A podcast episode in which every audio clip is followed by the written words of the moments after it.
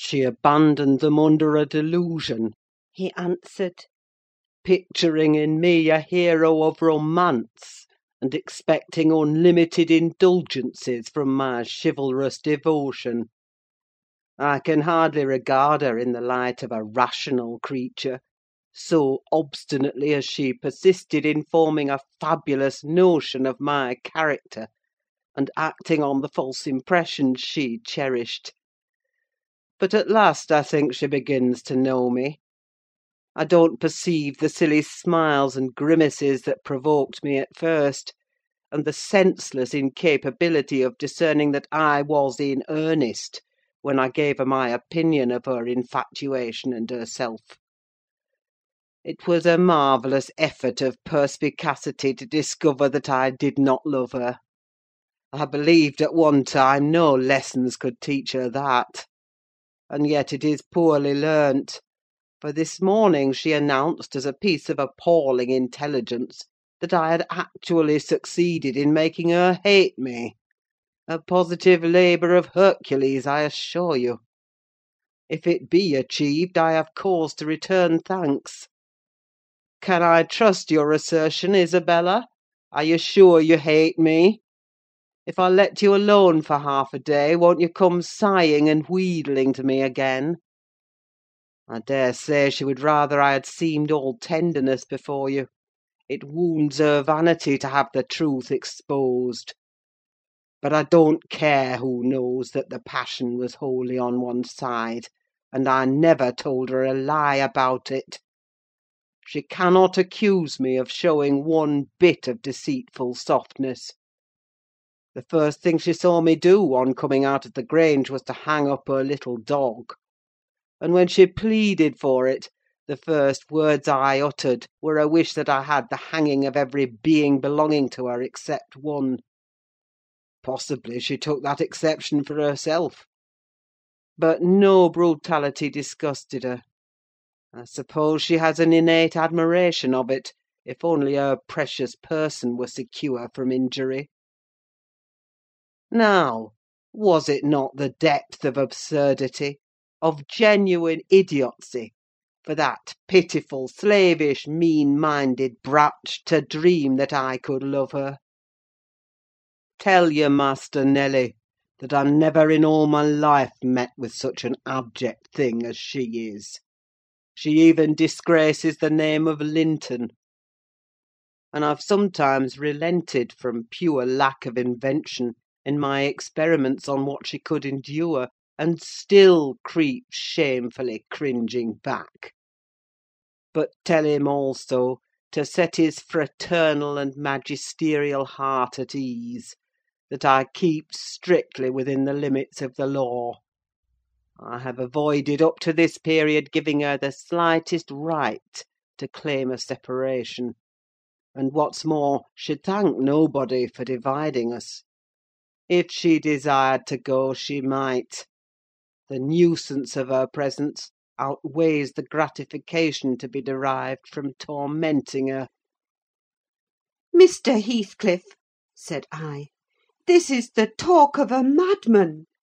Your wife most likely is convinced you are mad, and for that reason she has borne with you hitherto; but now that you say she may go, she'll doubtless avail herself of the permission.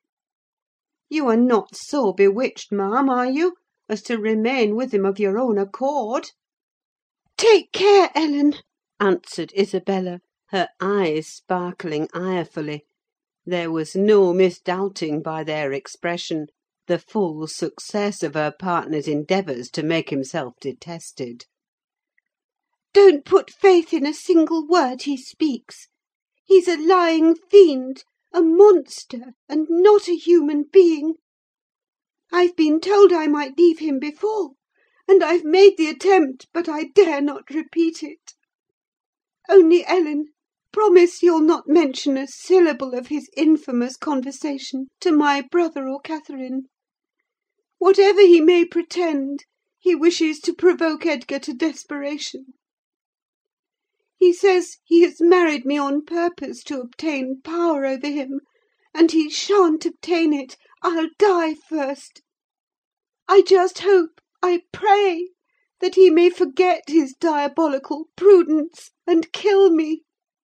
The single pleasure I can imagine is to die, or to see him dead." "There, that will do for the present," said Heathcliff. "If you are called upon in a court of law, you'll remember her language, Nelly. And take a good look at that countenance: she's near the point which would suit me. No, you're not fit to be your own guardian, Isabella, now; and I, being your legal protector, must retain you in my custody, however distasteful the obligation may be. Go upstairs: I have something to say to Ellen Dean in private.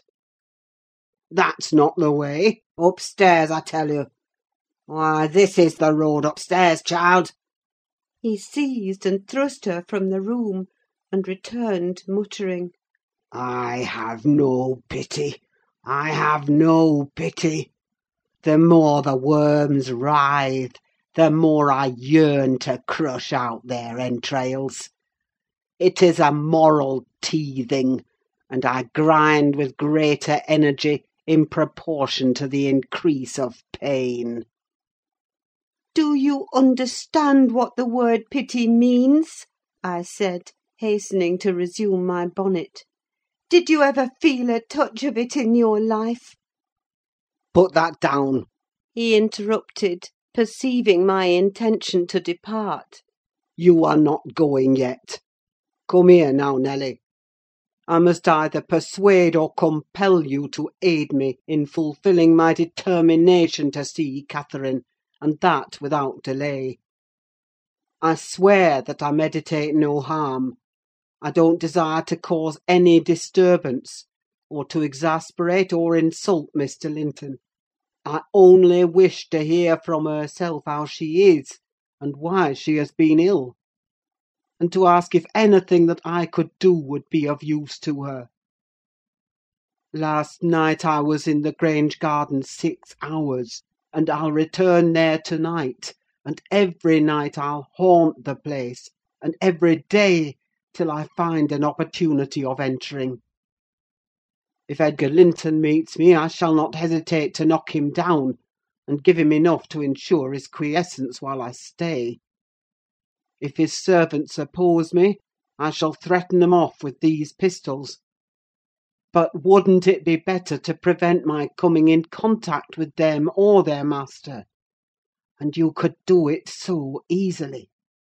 I'd warn you when I came, and then you might let me in unobserved, as soon as she was alone, and watch till I departed, your conscience quite calm. You would be hindering mischief."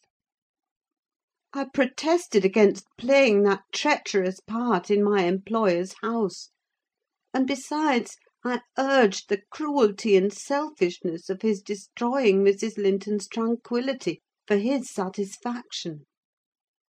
"The commonest occurrence startles her painfully," I said.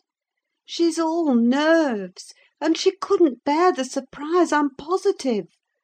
Don't persist, sir, or else I shall be obliged to inform my master of your designs, and he'll take measures to secure his house and its inmates from any such unwarrantable intrusions." "In that case, I'll take measures to secure you, woman!" exclaimed Heathcliff. "You shall not leave Wuthering Heights till to morrow morning. It is a foolish story to assert that Catherine could not bear to see me; and as to surprising her, I don't desire it: you must prepare her. Ask her if I may come. You say she never mentions my name, and that I'm never mentioned to her. To whom should she mention me? if I'm a forbidden topic in the house. She thinks you are all spies for her husband. Oh, I've no doubt she's in hell among you. I guess by her silence as much as anything what she feels. You say she is often restless and anxious looking. Is that a proof of tranquillity?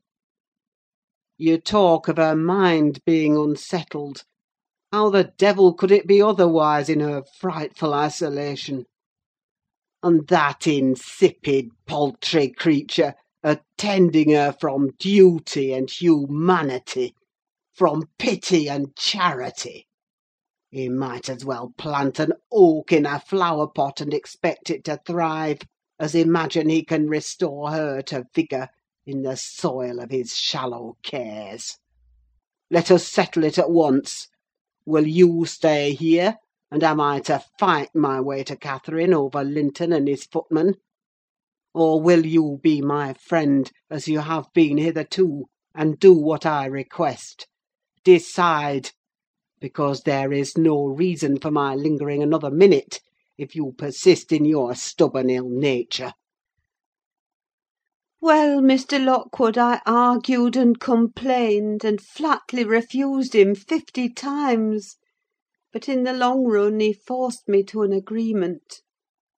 I engaged to carry a letter from him to my mistress; and should she consent, I promised to let him have intelligence of Linton's next absence from home, when he might come and get in as he was able. I wouldn't be there, and my fellow servants should be equally out of the way. Was it right or wrong? I fear it was wrong, though expedient. I thought I prevented another explosion by my compliance; and I thought, too, it might create a favourable crisis in Catherine's mental illness. And then I remembered Mr. Edgar's stern rebuke of my carrying tales, and I tried to smooth away all disquietude on the subject by affirming with frequent iteration that that betrayal of trust, if it merited so harsh an appellation, should be the last. Notwithstanding, my journey homeward was sadder than my journey thither; and many misgivings I had ere I could prevail on myself to put the missive into Mrs. Linton's hand. But here is Kenneth: I'll go down and tell him how much better you are. My history is dree, as we say, and will serve to while away another morning. Dree and dreary, I reflected, as the good woman descended to receive the doctor; and not exactly of the kind which I should have chosen to amuse me. But never mind: I'll extract wholesome medicines from Mrs. Dean's bitter herbs; and, firstly, let me beware of the fascination that lurks in Catherine Heathcliff's brilliant eyes. I should be in a curious taking if I surrendered my heart to that young person, and the daughter turned out a second edition of the mother.